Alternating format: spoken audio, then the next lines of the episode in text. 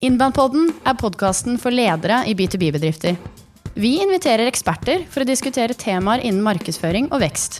Podkasten ledes av meg selv, Camilla Tryggestad Wiesche, og Tor Magnus Kolflot i Inbound Group.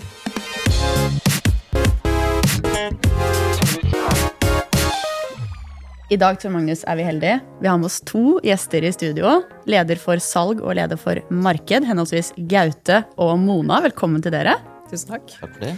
Dere kommer fra et selskap som heter X-Ledger, som mange har hørt om. Et skybasert ERP-system. En skikkelig norsk gründersuksess. De som kan gå inn på Proff og se på tallene deres, blir nok litt, eh, litt satt ut. Det selskapet har fått til, er relativt imponerende.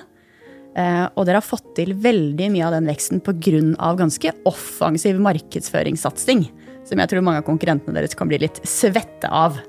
Så vi gleder oss til å høre litt eh, mer fra dere i dag om hvordan i all verden dere har fått til dette her.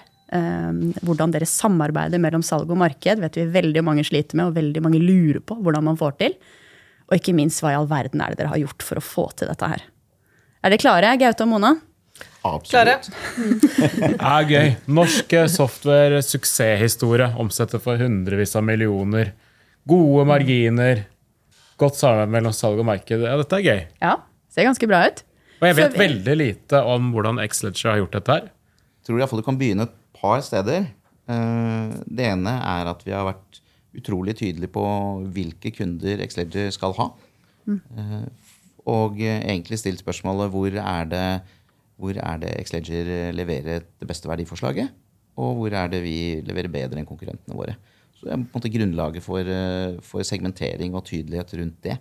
Og det andre er jo egentlig at vi ser på salg og marketing som en helhet. Det er liksom ikke de der og oss der. Det er vi som skal få til noe sammen, helt fra vi har bestemt oss for hvem vi skal eh, snakke til og med, og til vi har en ny kunde. Det var en fin liten sånn teaser for hva dere skal prate om. Men først, eh, jeg ga en liten introduksjon til hva dere driver med. Kan ikke en av dere eller begge to fortelle litt om X-Ledger, selskapet, denne gründerhistorien, så lytterne får litt kontekst? Og ikke minst hva dere leverer. Det er en uh, spennende gründerhistorie, absolutt. Uh, Jarle Sky, da, med det klingende etternavnet Sky.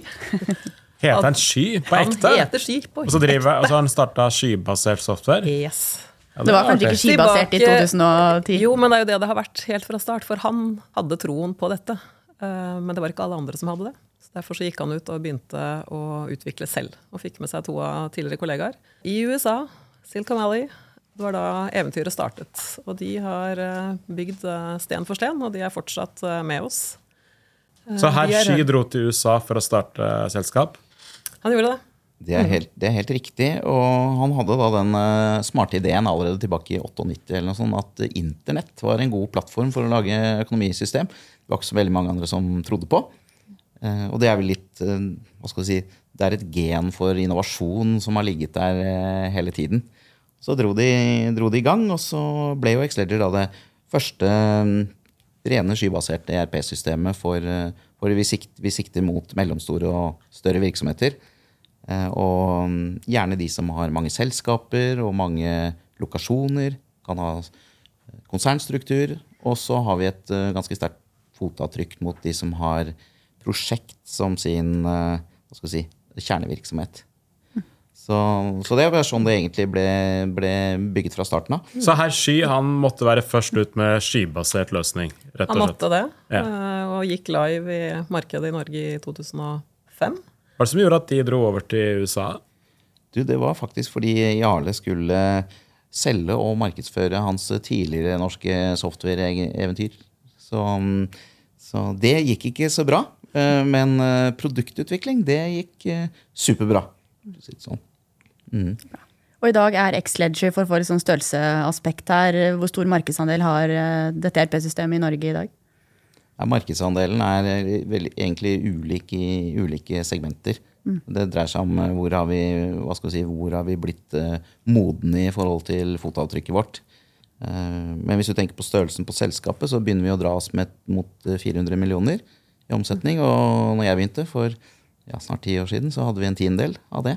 Og dere er i Norge, en- eller er det flere land? Hvordan er det? vi er i, i flere land. Vi er i, i Norge, Sverige, Finland, UK og US.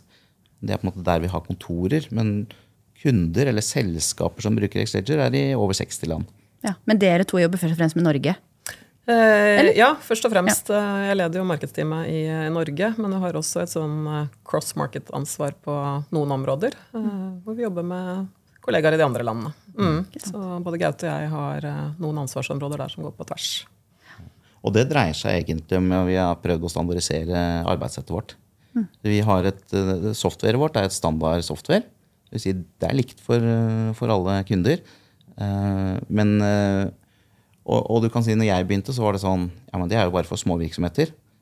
Jo, men dette er veldig modent, har mye bred og dyp funksjonalitet. Nå skal vi ikke snakke så mye om produktet vårt, men eh, Og det kan tilpasses veldig mye, og det kan kobles med masse andre systemer som er ganske vanlig. Så sånn sett kunne vi ta en posisjon veldig tidlig mot eh, større virksomheter med denne typen software. Mm. Hva er idealkunden til X-Ledger, egentlig? Ja, det var jeg egentlig litt inne på allerede. Eh, Så jeg vet ikke om jeg kan Gjenta det for en mann som ikke har fått det med seg. Jeg kan godt ta det en gang til. Nei, du, det, det Jeg husker ikke helt, jeg heller. du, du kan si det, Noe som er litt spesielt med Xledger, er at faktisk alle størrelser i virksomheter kan egentlig bruke Xledger. Og på en måte bruke det ut av eh, boksen. Men der hvor eh, det gir størst hva skal si, differensiering i verdien, det er eh, mellomstore store selskaper, og gjerne selskaper som, eh, som har da mange datterselskaper. Kan være lokalisert på ulike steder, kan være i ulike land. Uh, og veldig mange har også et fotavtrykk mot prosjekt i forretningsmodellen sin. Så det hørtes jo veldig bredt ut. og det, det er det for så vidt. Um, Så gruppe eller konsern og prosjekt er noen eh, stikkord her. ja. Og så er det jo en eh, rekke regnskapsbyråer uh, som bruker X-Ledger overfor sine kunder igjen. Ja. Uh, og de, eh, de er jo kanskje litt uh, annen størrelse på kundene. De går jo også, det blir større og større kunder der også, men da er det jo gjerne regnskapsføreren som gjør mer av jobben for, eh, for noen av de selskapene. Mm. Men, så- og samtidig ikke sant, så er jo et uh, regnskapskontor er jo på mange måter eller et regnskapsbyrå. Da. Nå kaller de seg, er de mer digitale byråer som leverer mye bredere. Men de leverer jo til mange mange, mange kunder, store og små. Eh, og det kan de da gjøre veldig veldig automatisert og effektivt gjennom Xledger og håndtere alle kundene sine på, på én gang. Så det er egentlig uh, suksessreisen, for å si det sånn. Modellen først var uh, mange partnere som skaffet mange kunder og utnyttet Xledger til det. Både fordi at softwaret er som det er, men også fordi at uh, det er da en recurring revenue-modell som var en, en flott modell for dem. Og dere har fått til, eh, apropos flotte modeller og, revenue, salgsrekord år etter år etter år. Du nevnte en tidobling i stad. Eh, nå omsetter selskapet for noen hundre millioner, men dere skal enda lenger. Hvor, hvor skal skal, lenger. dere egentlig? Vi er på vei til eh, milliarden. Den til vårt Mount X-Ledgerest. Mount Vår Så hele selskapet skal til Everest Base Basecamp eh, om noen år? Det skal vi nok ikke, men kanskje vi begynner med Kolsåstoppen. Eh, ja. eh, Det er bare et bilde, men det ligger selvfølgelig mye annet eh, bak det finansielle målet. Eh, Så det er jo en utvikling på alle områder innenfor eh, people and culture, ikke minst. Eh, Vi får stadig nye dyktige kollegaer inn. Eh, Produktutvikling, eh, operations. Alle områder så ligger det jo en enorm utvikling mot det målet. Mm. Vi skal opp til en uh, milliard kroner i omsetning. Det er målet. Det er, det er fjellet deres. Det er på en måte det finansielle målet. Uh, Ja. Og det har noe med at uh, konkurrentene våre er bare de store. Det er Microsoft og eh, tilsvarende, som da er funda private equity eller store selskaper. Og de har egentlig ubegrensa midler. Så vi er jo nødt til å være smarte, fordi at vi, vi har alltid bygd sten for sten. Og Ja, hvem er det som eier eh, dere? det er gründerne våre som eh, eier selskapet. Å ja, etter over 20 år? Over 20 år og et Ja, par kult. eh, Fortsatt med. Ja, de eier, og de produkt Altså, de har en enorm passion for produktet sitt. Så derfor må jo vi andre drive med andre ting. Men en enorm passion for ny teknologi, en enorm passion for å utvikle produktet. Eh, Og fordi det er en ekte skybasert løsning, så kan vi hele tiden slippe nye versjoner av produktet også. Det er veldig kult og kanskje litt uvanlig at eh, gründerne er med etter så mange år. 23 år. Det er nok litt uh, uvanlig. Ja, for men, uh, Ofte det er, vil jo en gründer bare hoppe videre til neste liksom, Ja. idé og prosjekt. Men det er som Gaute sier, at dette er hjertebarnet. Og derfor også et veldig flott selskap uh, å jobbe i. Det er en uh, flat struktur, og vi drives virkelig av felles mål, alle sammen. Det er ja, ikke- så gøy. Mm. Kult. Du kan drive på en helt annen måte når det egentlig ikke er neste neste og sitt resultat og aksjekursen og som, som styrer. Du kan tenke mye mer langsiktig, og du kan hele tiden investere. Vi investerer jo nesten alt vi tjener i videreutvikling av produktet vårt. eh, Flere nye folk, flere land osv. Markedsføring. Prøv Ikke minst. Bygge en bro over nå til ok, nå har vi fått det store bildet av X-Ledger. Ja. Noen heftige ambisjoner. Mount X-Ledgerest var det navnet. eh, dit dere skal. Um, men så ned til det som eh, er kanskje ekstra interessant for mange av lytterne i dag. Hvordan i all verden har dere fått til dette her? Um, hvor vi ser på hvordan, hvordan er dere jobber med salg og marked. Så eh, stiller litt sånn stort, åpent spørsmål først. Eh, hvor stor del av denne veksten og de resultatene dere har fått til, kan skyldes markedsføringa? Hvor viktig er markedsføringa for disse salgsresultatene? Jeg kan stille deg spørsmålet først, kanskje, Gaute, som eh, salgsansvarlig. Ja, altså Det leder tilbake til det jeg sa aller først. At det er jo salg og marketing er en helhet. Altså Det dreier seg ikke om at de sitter der og gjør sine ting, og vi sitter der og overtar og gjør våre ting. Selvfølgelig har vi ulike roller.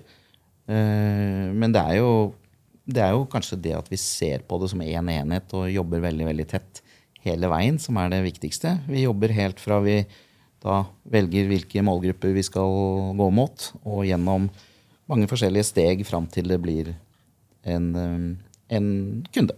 Det vi har jobbet, eh, Jeg begynte jo i, i 2018. Eh, Da var det ikke mange på marketing. Det var et par personer, og vi startet litt på scratch. Eh, Det første var egentlig å få opp en eh, ny global nettside, sånn at vi så like ut i, i alle land. Og så kunne vi begynne å bygge. Så det var først da selskapet egentlig begynte å jobbe ordentlig med markedsføring. Ja, 2018. var- 2018. Mm. Eh, Noe hadde det jo vært, men da, da tok vi sats og skulle videre. Eh, og det med synlighet eh, har jo også vært ekstremt viktig, og er ekstremt viktig for oss, å bygge merkevaren. For som Gaute sier, det er jo store selskaper vi konkurrerer mot, eh, som sitter med, med større muskler på, på marketing enn det vi gjør. Så det handler jo om å bygge vårt brand og være synlige på de riktige stedene til de riktige menneskene med det riktige eh, budskapet. Eh, så det har det vært stort eh, fokus på eh, hele veien fra, fra 2019. Og det tror jeg vi har lykkes med. Vi får, eh, vi får tilbakemeldinger nå på at vi er synlige der ute. Ja. Og så lykkes vi også fordi marketing har enormt sterkt eierskap til salgsmålene. Ikke sant? De har eh, Det er ikke så vanlig. Nei, det, det er eh, nok ikke så vanlig. Så det er veldig sterkt eh, eierskap til hvordan vi konverterer hele veien. Si sånn, og, og, og, og hva skal vi si, flatene med overlevering. Men også bidragene. Både hvordan salg bidrar med sin fagkompetanse og forståelse for markedet til at marketing kan treffe ordentlig godt med sine budskap. Til at marketing supplerer, supplerer oss med godt materiale når vi er ute i salgsprosesser. Da. Det er riktig, så vi jobber jo vi jobber jo ekstremt tett. Jeg tror ikke det er eh, Eller jeg kan ikke si det, at det ikke er så mange andre som gjør det. Men eh, Det kan jeg det si. Ja, det har vi bevis på også i undersøkelsen Ja, ja. vår. De færreste gjør det. Eh, så vi har jo dialog liksom hele veien i hele Det- Dette er veldig kult å høre, men kan dere fortelle litt hvordan det funker i praksis? Hvordan er dere, altså dere er jobbet tett sammen og sånn. Hvordan, hvordan er det liksom, hvordan er hverdagen? Så jeg liksom forstår litt hvordan Ja, dette egentlig henger sammen hos dere. Vi, eh, vi jobber veldig Vi har noen veldig konkrete segmenter, eller bransjer, som er de eh, hovedbransjene vi jobber mot. Da. Eh, Det er ikke sånn at vi bare er til for dem, men der har vi vårt fokus. Og da har vi jo egne segmentteam som består av både selgere og løsningsarkitekter. Og der kommer også marketingen. Så der starter det jo, ikke sant. Eh, Hvor mange skal vi nå i dette segmentet i år? Eh, Hva er de opptatt av? Eh, Hva er det vi kan som vi kan hjelpe de med? Verdiforslaget. Eh, Og så sammen egentlig da, så utvikler vi historier, kundehistorier, kampanjer, det budskapet som, som skal gjelde, og setter målsetninger for de ulike segmentene. Vi har også en som sitter og ringer for oss på, og kontakter disse selskapene. Så det er mye, Ja, mye altså en aktivitet. sånn klassisk møtebooker-funksjon. Ja, mm, ja. Uh, og vi har jevnlige møter. Vi kaller det for eh, leads- og kampanjemøter. Vi har ukentlige oppfølging av Da er det en på, i mitt team som sitter og går gjennom alt som har kommet inn. Eh, og Alids. Av uh, eh, mm, uh, som har gjort en henvendelse på nettsidene våre og gitt fra seg noe data. Ja. Eh, og det sjekkes grundig ut. Er dette selskaper for, som er relevante for oss å jobbe med, eller for noen av partnerne våre? Og så er det møte mellom marketing og salg på det. Og så blir man enige om en videre action. Så vi er, vi er veldig hands on og veldig tett på. Og vi har jo CRM-systemet vårt hvor vi har våre dashbord og sitter og følger med på utviklingen. Og pusher måned for måned. Ja, og sant, marketing har jo da det vi kaller SQL. Som ikke, ikke sant, det er litt morsomt hos oss, for SQL er jo teknologi som vårt selskap driver med. Men det er jo da Sales Qualified Lead. Eh, og det betyr jo da et, eh, en salgsmulighet som passer innenfor hva skal vi si, eh, type selskaper som eh, Xleger jobber med. Eh, men eh, ikke sant, det er, jeg tror da mange har veldig mye merkevarebygging og sånn midt i panna. Så har jo marketing hos oss de har jo også da SQL til salg så midt i panna som det vel er mulig å få. Det er helt riktig. Så må vi ha merkevarebyggingen i tillegg. For det, Ja, den ligger på, ligger på toppen. Vi, vi får ikke noe SQL uten merkevarebygging. Men, det er men jeg vil jo si at det er den ja, vi, vi regner jo alltid tilbake. Vi sier hvis vi skal, hvis vi skal ha ett salg, hvor mange SQL må vi da ha? Og så regner vi sånn tilbake i hele, hele kjeden og følger eh, nøyaktig hvordan vi skal konvertere i alle faser. Og du spurte jo Camilla hvor, eh, hvor mye av suksessen skyldes eh, marketing. Så eksempelvis det Gaute sier nå, så satte vi oss et mål på hva den konverteringsraten skulle ligge på i forhold til hvor mye potensielle kunder vi måtte få inn for, for at det skulle bli et salg. Jeg kan vel si at den ligger godt under uh, i forhold til målet. Altså konverteringsraten er bedre enn det vi hadde satt som mål. Som jo betyr at det er de riktige henvendelsene som kommer inn, og da har vi gjort noe riktig i markedsføringen. Ja.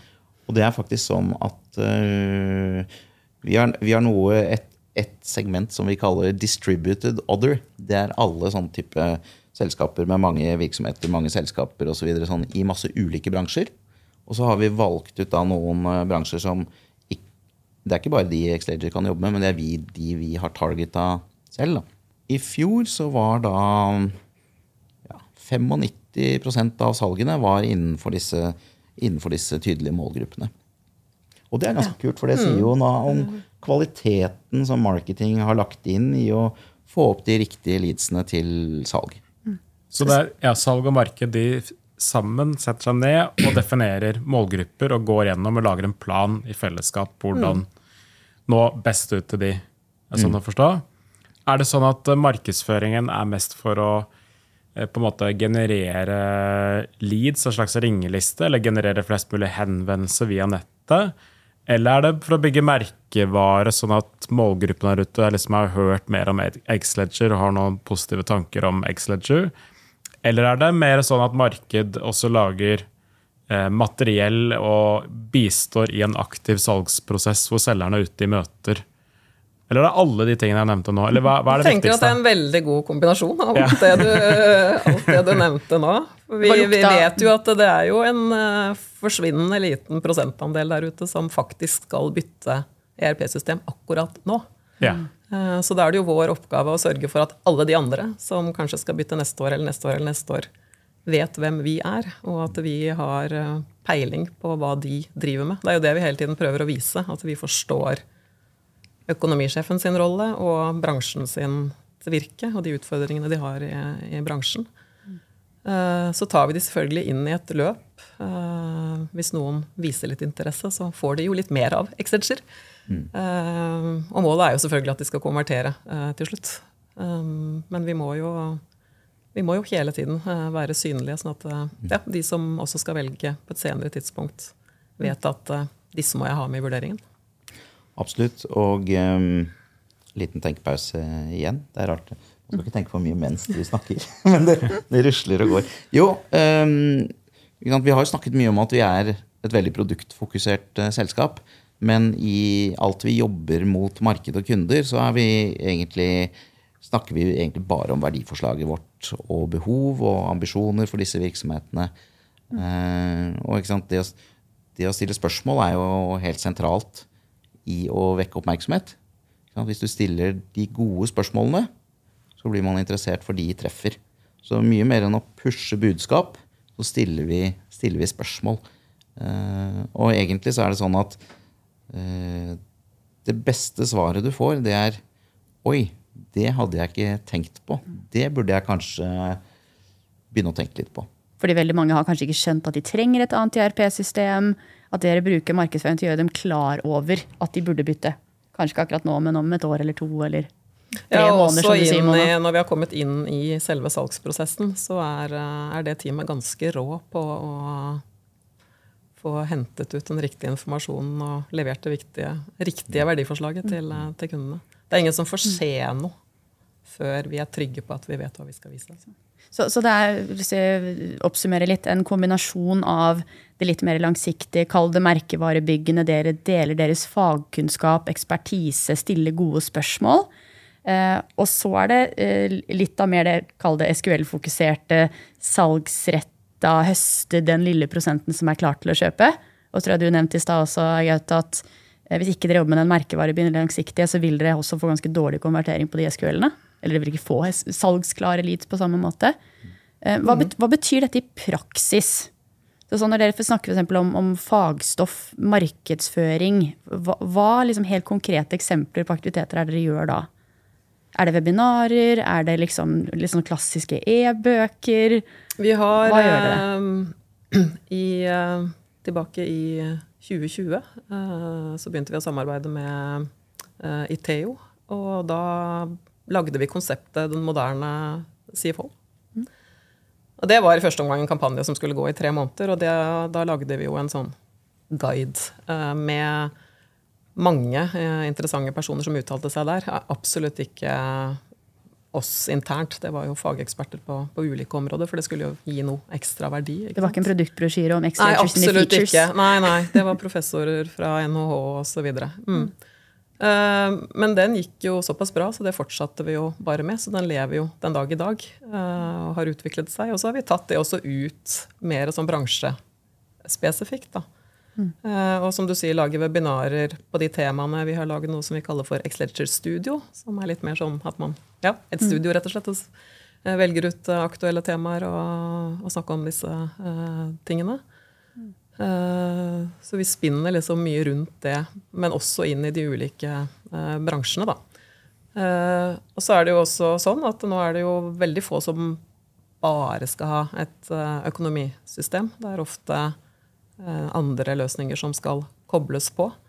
Så det også blir jo mer og mer samarbeid med andre aktører for å få ut et felles verdibudskap. Spesielt der hvor det er snakk om typ fagsystemer og sånn. ikke sant? At de hva er det vi sammen eh, leverer til eksempelvis sjømatbransjen? Da, for, mm. uh, så der også er jo webinarer uh, viktig. Og så ikke minst kundehistorier. Det er jo mm. gullet.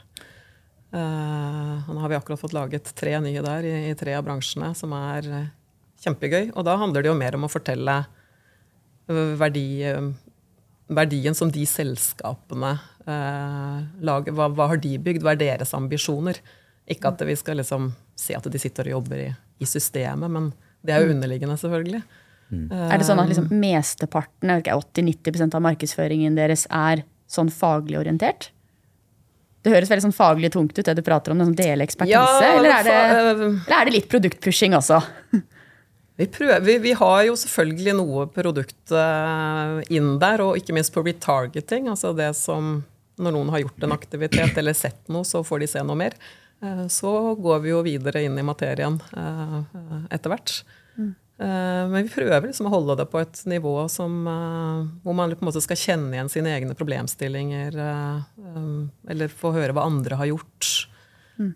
Hva er det mest krevende for, de, for økonomilederne nå? ikke sant?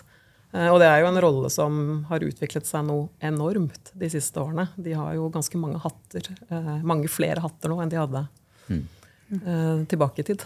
Så det er jo bare å se på vår egen eh, CFO, som er eh, helt med på sales and marketing også. Absolutt. mm. uh, CFO, jeg vet, det er ikke sikkert at alle kjenner begrepet CFO. Eller? Det er jo egentlig en økonomidirektør. Eh, Men uh, i CFO så ligger mer enn å styre økonomien. Det ligger veldig mye som går på selskapsutvikling også. Eh, Så derfor har vi lagt stor Vi, vi snakker om ambisiøse selskaper. Det er liksom en sånn target for det vi skal jobbe med. Og ambisiøse kan jo bety at du skal bli mye større, men ambisiøse kan jo også rett og slett bety å jobbe mye smartere og være fremoverlent på, på utvikling. Så, så det er vi opptatt av å snakke, forstå oss på at sånn sett er det ambisiøse selskaper. Eh, og vi kan hjelpe dem med en skalerbar Unnskyld. Vi har tre, og vi har tre kundeverdier som er det vi kan hjelpe dem med. Det er skalerbarhet, og det er automatisering, og det er innsikt. Så det er jo det produktet vårt leverer. Men da er det jo ja, hvordan skal vi koble det opp mot uh, hva skal du si, de, de problemstillingene som de sitter i. Da. Både i at de drar med seg problemstillinger som kanskje er historiske, men også uh, det å Hvordan skal de klare å realisere ambisjonene sine. Så, mm, og så er det Så det vi vel ikke har snakket om, er Vi har snakket om eh, økonomiledere mange, mange ganger. Eh, Men det er jo også viktig å si at det er, det er hvilke selskaper og hvilke personer som er, eh, som er poenget. Og det er jo også litt ulike budskap, for du kan jo ha et budskap til en daglig leder og du kan ha til en økonomidirektør, en konsernregnskapssjef eller en veldig forretningsorientert CFO. Og det er, jo litt, er jo litt ulike budskap, det også. Og ulike innganger til, eh, til den dialogen vi har, da. Og Jeg er litt nysgjerrig på, for det dere forteller om nå, det er, det er så sjelden, Tor Magnus, at vi sitter og hører eh, et selskap, gjerne et tech-selskap, som fokuserer mesteparten av markedsføringa si på å dele fagkunnskap, jobbe langsiktig, ikke produktpushing. Eh, Det du nevnte, Mona, på at eh, flesteparten i markedet er jo ikke klare for å kjøpe. Akkurat nå sånn er det veldig ofte innenfor B2B. Statistikken, den forskning viser at det er 5% til enhver tid sånn i et gjennomsnittlig B2B-selskap som er klare for å kjøpe nå. Og at dere virkelig erkjenner det også i markedsføringa. For det jeg veldig ofte opplever, er at særlig selgere Gaute, dette må du svare litt på, er jo veldig ofte de er så produktkåte, og de vil jo bare pushe produktet sitt. Og det er kanskje ikke så mye Black Friday, men det er mye liksom kjøp nå, ta en uforpliktende prat, book en demo, se på dette her. Og det funker veldig bra på de som er varme, men det er en så liten prosent, da. Så eh, interessert i å høre liksom dine tanker rundt det, Gaute. Eh, litt sånn åpent spørsmål, men eh, hvordan har du klart å forankre dette her hos selgerne deres og i salgskulturen deres rundt det å dele fagkunnskap og være gode rådgivere? Du høres ut som en lite sånn stereotypisk software-selger. Ja. Og det syns jeg er veldig interessant. Ja. Nei, vi, for det første så øh, Når jeg begynte, da, så var det jo Det var jo for å ha en skikkelig tydelighet rundt hvordan vi gikk til markedet mot de riktige personene. Og så var det for å bygge en salgsmetodikk og salgsprosess som var skalerbar. Så alt vi har gjort, har, øh, har vært tenkt at dette skal standardiseres, øh, bringes ut. Altså alle våre, også alle våre i alle land ut i partnernettverket vårt at vi skal forsøke å jobbe så, så likt som mulig. Så vi har da vår egen Exleger Sales Methodology, som er rett og slett vår bibel for hvordan vi skal, eh, hvordan vi skal jobbe. Um, og den har eh, den har i veldig stor fokus på å selge på verdiforslaget, hva de faktisk får. Og så er det sånn at vi bruker egentlig mye mer tid på å stille spørsmål og forstå enn vi bruker på å forklare og vise. Samtidig har vi en eh, kjempestor fordel med dette produktet vårt, fordi det er et live skybasert system, så kan vi faktisk vise det helt live. Altså når vi kommer til løsningsfasen, da, så kan vi vise akkurat hvordan blir det å jobbe i Xledger. Sett fra ulike roller, sett fra ulike prosesser som de jobber. Så kan de kjenne seg igjen i. Men vi må forstå før vi kan øh, vise. Og vi må klare også å konvertere det å vise produktet tydelig inn mot verdiforslaget. Da. Så jeg pleier å si at eh, som selger så må du ha to ører og én munn. Og i starten på tidlig i salgsprosessen så er det 80% spørsmål og lytting.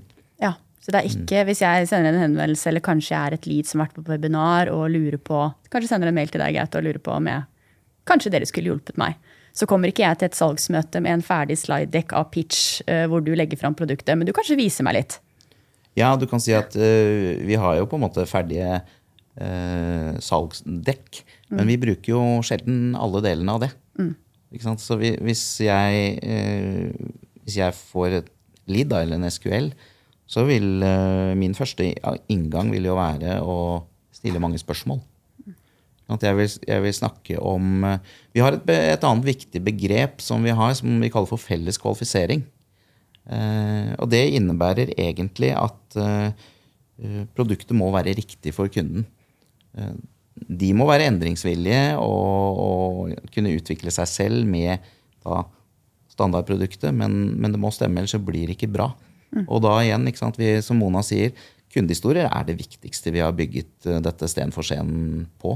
Mm. Um, kan bare skyte inn der, da. Mm. Men uh, jeg, da jeg var uh, ny, så var jeg med ut i noen sånne salgsmøter. Mm. Uh, og ble litt satt ut, for jeg har aldri hørt en selger eller salgssjef som sa flere ganger i møtet at ja, men det er jo ikke sikkert vi skal jobbe sammen. Til kunden, ja. da. Det er ikke sikkert vi skal jobbe sammen. Og de ble liksom Å, er det ikke det? Mm. så du sier nei hvis det ikke er riktig. Ja. Mm. ja da, og det er ikke sant det, Dette eh, liker Camilla. Det er sånn vi gjør òg, det. Ja, ja, ja. Og det er litt det dere sa i stad, så det tiltrekker dere veldig mange av de riktige kundene. Ja. Nei, men ikke sant, du um, Og det dreier seg gjennom å Man må forstå at uh, vi må forstå dere. Uh, og egentlig kvalifisere vårt eget produkt- og verdiforslag opp mot deres ikke bare behov, men også deres ambisjoner. Og så skal dere gjøre det samme, samme med oss. Fram til dere etter hvert da ser produktet og eh, forstår hvordan det kan spille inn i utviklingen av, eh, av virksomheten. Og så sier vi at eh, vi, vi, begynner i det små med å si at ja, dere er konsern, og dere driver med prosjekt, og dere er dessuten i hele Norden, så det er en god sjanse for at Exleger kan passe fint for dere. Men så skal vi, så skal vi fellesskap sette oss inn i dette her og på en måte skrelle løken litt sånn hva heter det, lag for lag i fellesskap. Og da må vi også være dønn ærlige. Vi må si at uh, dette kommer til å bli sånn. Og er det, er det ok, eller, eller, er det ikke ok? Det kan være at det krever endring, og da må du være med på at du må gjøre den endringen. Det kan også være at det er uh, si, grunner til at produktet ikke passer uh, helt til dine prosesser, og da er det jo bedre for alle å alle å hoppe, og helst hoppe så tidlig mm. som mulig. Da. Mm. Uh, litt i det store bildet. Er det sånn at alt salget deres kommer fra disse hete SQL-ene? Eller er det også en kombinasjon av oppsøkende salgsvirksomhet? Du nevnte en møtebooker i stad, Mona. Ja, Hvordan, en, hvor kommer salget deres fra? Liksom de store kategoriene. Mm. Det er jo begge deler, selvfølgelig. Men jeg velger jo å tro at alle som på en eller annen måte kommer inn i loopen, har sett, eh, sett oss et eller annet sted. Mm. Eh, men det er riktig at vi også har en eh, som sitter og ringer for oss mm. jevnlig på de selskapene som vi har valgt at vi ønsker å komme i kontakt med. Mm. Kan det være ikke, selskaper som ikke er i CRM-systemet deres allerede, eller er det mest de som allerede har vist engasjement? Nei, de trenger ikke å ha vist noe engasjement. Det er bare spot on liksom, for oss innenfor de ulike bransjene. Ja. Mm. Det er ikke en blind proffliste over alle økonomisjefer nei, nei, i alle norske nei, selskaper? Vi jobber, jobber, ganske godt med de eh, listene før de mm. blir lagt inn. Det er jo selskapene mm. han går på. Han får ikke, liksom ikke kontaktpersonene, det må han finne ut av selv. Mm. Men, um, men, han er helt rå på det. og det ikke, Han booker ikke nødvendigvis møtene, men han skal skape en interesse til å komme et hakk videre. Ja. Um, mm. Og det er det det dreier seg om. ikke sant? Komme et hakk videre av gangen. Mm. At det begynner med at du har markedet der, og så og vi fòre dem med noe informasjon. Mm. Og så skal de bli eh, det vi kaller MQL, Marketing Qualified Lead. Da er de uh, kvalifisert for at vi skal feede dem med litt mer. Og så viser de en, en eller annen Det kan jo være et lite halmstrå. Det kan være én person i økonomiledelsen som egentlig kjenner på at uh, her har vi noen utfordringer. Uten at det er forankret at selskapet skal ut og gjøre, skal, gjøre et kjøp. Da. Så, noen av, så det er ikke sånn at alle det det er ikke sånn at alle SQL-ene bare suser av gårde til eh, salgsprosesser. Hvor lang, eh, hva er, hva er sånn typisk eh, tid fra første kontaktpunkt til kontrakt signert? Uh, ulikt, men dette er ikke salg over natta, for å si det sånn.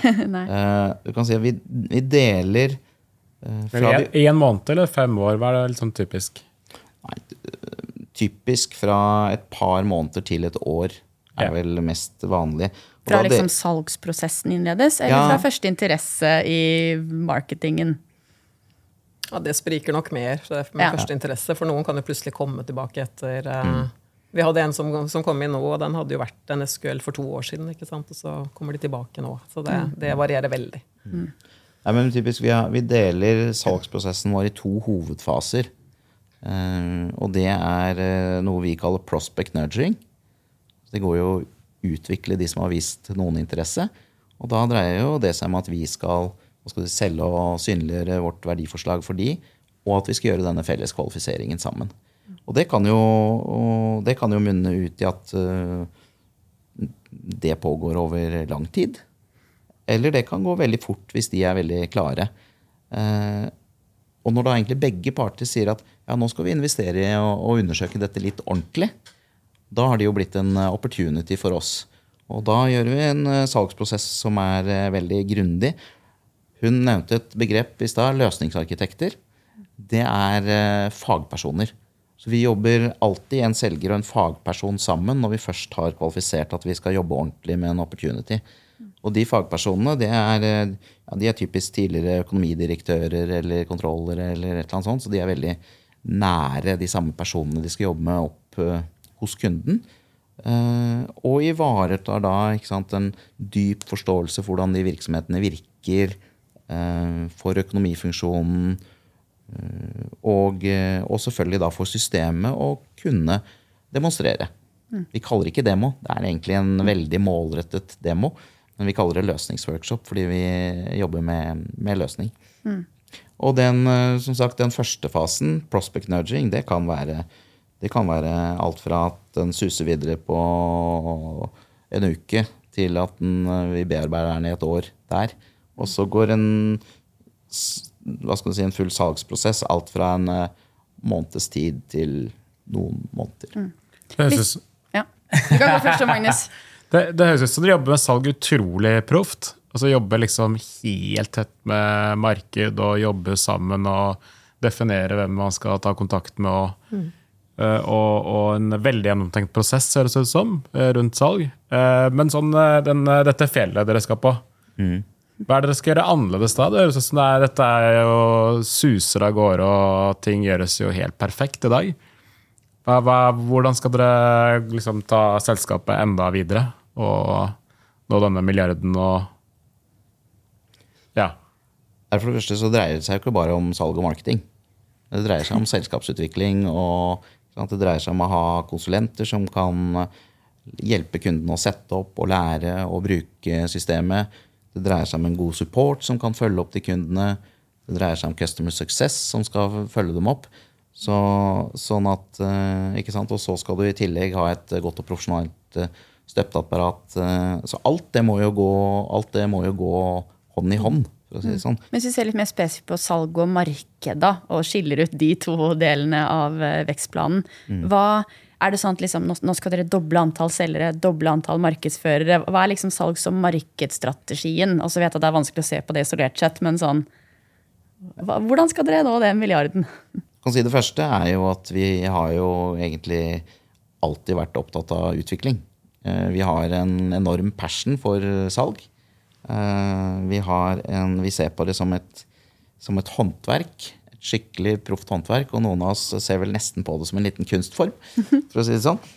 Eh, og, eh, så vi hadde noen veldig klare hypoteser rundt hvordan denne salgsprosessen som har blitt veldig systematisk, skulle være. Men så er det jo egentlig så er det jo egentlig trial and error hele veien, og så kopierer du det som virker, og så kvitter du deg med det som ikke virker. Og det er jo en never ending story. Så det er jo alltid mulig å, å tune på ting og, og bli bedre. Og så kan du si det blir litt som toppidrett. ikke sant? Når du, har, når du er eh, blitt skikkelig god, så er det litt vanskeligere å bli enda mye bedre enn når du er på et lavere nivå. Men Men den utviklingsfokusen er jo knallsterk hele tiden. Og det har jo vi sammen også. Utviklingsfokus.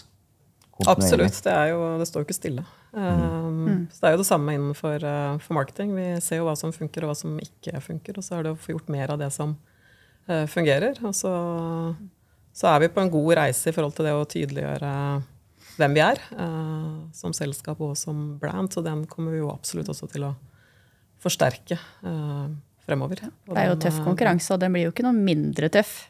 det gjør ikke det, så det er det om å gjøre å få fremmet eh, hvem vi er, og ikke markedsføre en hel kategori. Av, mm. mm. Hvis vi ser litt mer på eh, i praksis eh, hvordan dere gjør dette her. Eh, dere starta, eller du nevnte Mona at dere var to markedsførere i 2018. Nå er dere syv. Mm.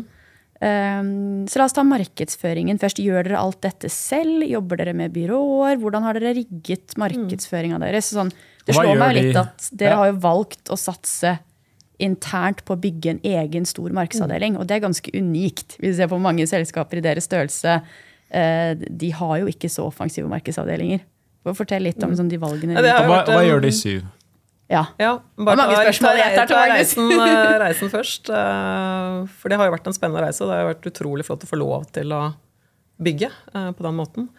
Eh, Og kan vel si at vi er på over tregangeren også i forhold til budsjett eh, siden 2019. Eh, Så vi, vi hadde jo mer eh, outsourcing, eller fikk mer hjelp av byrå i tidligere eh, fase. Men det er jo absolutt en fordel å ha kompetansen og sitte tett på dataene, ikke minst, selv, enn at du skal få rapporter fra utenfra.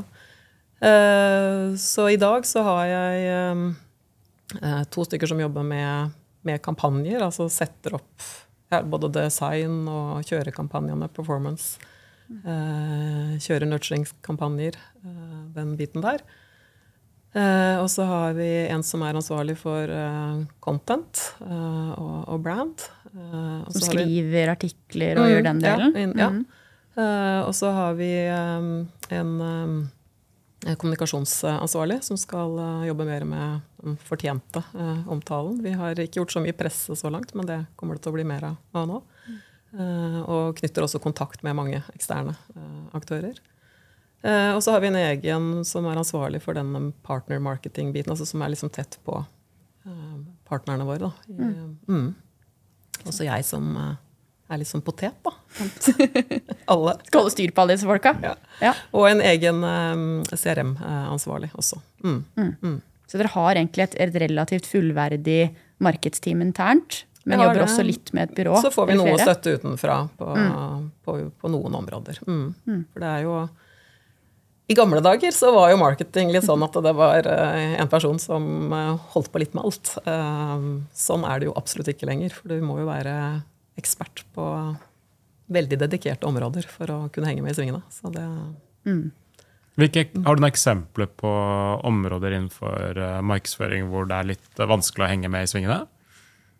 Hvor du tenker at her må vi liksom kjøpe litt hjelp, eller her må vi skjerpe oss litt, eller Altså bare sånn i, i Google-universet for eksempel, så er det jo mye å følge med på hele tiden i forhold til eh, kjøring av kampanjer og analyse og, og om vi i det hele tatt kan bruke det i fremtiden. Eh, Så det er jo bare én liten del.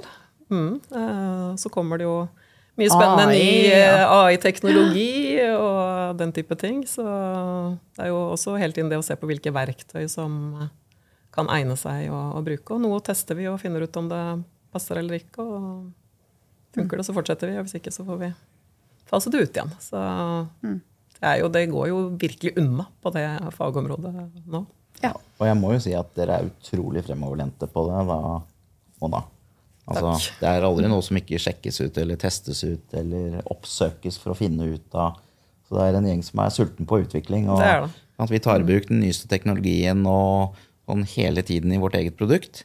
Men vi har jo akkurat den samme fokusen hos dere. Og på salg da, Gaute, hvor, mange selgere har du, og hva jobber de med?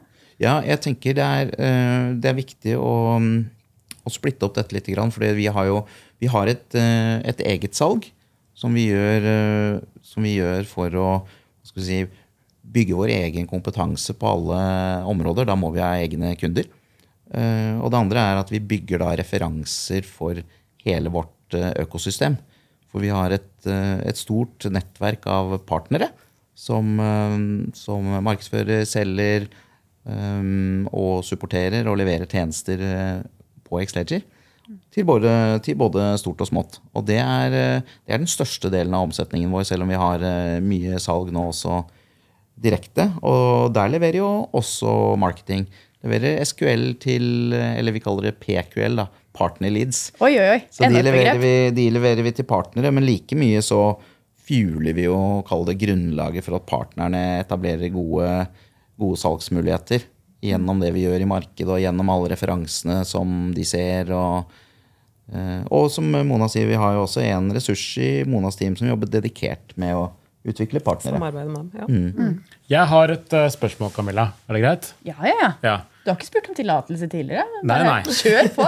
det er noe helt annet. Uh, nei, jeg, jeg, eh, I forhold til økonomisystemer, ERP-systemer og sånn, så syns jeg det ofte så står det sånn på nettsiden, eller i reklamen, så står det ofte sånn skybasert system. Så vet jeg at uh, Excel starta her sky, så det syns jeg var festlig og var først ute. Men uh, det, er, det, er, jo ikke noen nyhet lenger i mitt hode. Er det sånn, Hvorfor står det liksom Ja, det ser jeg. Eggsledger på nettsiden der. 100% skybasert ERP. Mm. Men er det, er det, er det wow liksom 23 år etterpå? Eh, er, det, er, det, viktig å få frem? Skjønner ikke alle der ute at, at et ERP-system man kjøper i 2023, er skybasert?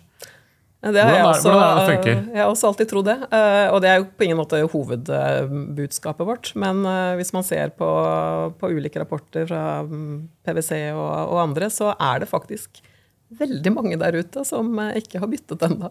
Mm. Um, og så er det, det tror jeg Den forklaringen skal vi ikke begi oss inn på, men det er ulike varianter av sky. Sky er ikke sky. Og det er et godt poeng, for det fins veldig mange som sitter på systemer som er si, en blanding av sky og gammel teknologi i det vi holder på med. Og det spiller ikke like godt. Da har du f.eks. Problem, problemstillingen at du får ikke kontinuerlig oppdatert systemet ditt. Eh, det får du bare hvis du har det vi kaller ekte sky. Da. Eh, så, og, og hva skal vi si, alle eksperter sier at vi tar reisen til skyen. Men hvis du skal levere ekte med de fordelene som det har, så må du faktisk ha et eh, et system som er det vi kaller born in the cloud. Det må være utviklet fra bunnen av. Eh, og det meste vi møter av konkurrenter, er ikke born in the cloud. Og hvis de er det, så har de ofte kommet mye kortere på funksjonalitet og, og modenhet fordi de ikke har vært der så lenge. Og det er litt kult, for det er jo mye av grunnen til at vi nå skal vi ikke nevne navn her, men vi konkurrerer med alle de store. Eh, og vi vinner mye mot de som har helt andre ressurser enn oss. Eh, veldig mange der ute nå håper jeg er litt sånn inspirert og tenker at det her høres bra ut. Eh, dette har jeg lyst til å få til. Hvis du, Gaute, nå skal gi ett til tre litt sånn beste råd til andre salgsledere der som har lyst til å få til dette her, hva, hva er liksom ditt, ditt viktigste budskap til, til den personen? Det vil være nummer én. Still de to spørsmålene hvem er det vi er til på for, hvor vi kan levere best verdi? Og gjerne også da hvor kan vi levere bedre verdi enn konkurrentene våre. Med vekt på verdi. Eh, det ville være det første. Det andre ville være at eh, sette opp et salgsteam som har en bredde i kompetansen sin, og som kan fag når du skal jobbe B2B med andre fagpersoner. Og bygge en veldig veldig tydelig prosess for hvordan du jobber mest mulig standardisert. Mm. Og det siste vil jo da være å få deg et fantastisk marketingteam som som tenker, eh, tenker salg, og hvor vi jobber hånd i hanske. Mm. Mona, dine råd til eh, markeds- og kommunikasjonssjefen der ute som har lyst til å få til dette her? Ja. Jeg tror det er kjempeviktig å tørre å stå i det man har bestemt seg for å satse på. Altså det man tror på selvfølgelig har testet ut at det virker til en viss grad. marketing kan fort bli litt sånn all over the place, men at man mm. tør å stå i valget sitt, som vi da har gjort med den moderne CFO som jeg nevnte. Eh, og så er det jo å få involvert ikke minst hele ledergruppen. Altså For uh, marketingkommunikasjon, det er ikke noe marketing driver med. Det er jo absolutt et selskapsanliggende. Uh, spesielt når man har hårete mål.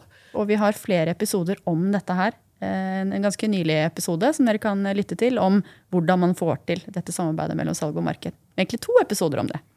Så vi har masse for lytterne våre som ønsker å lære enda mer om akkurat det. Har vi så mange gode episoder i bånn nå, Camilla? Det begynner å ta seg opp nå, altså. Ja, bra. Ja. Tusen hjertelig takk skal dere ha. Vi kunne sitte her i hele dag. Veldig hyggelig. Det Tusen kunne takk. vi definitivt når vi snakker om salg og marketing. Ja. Passion for salg og marketing.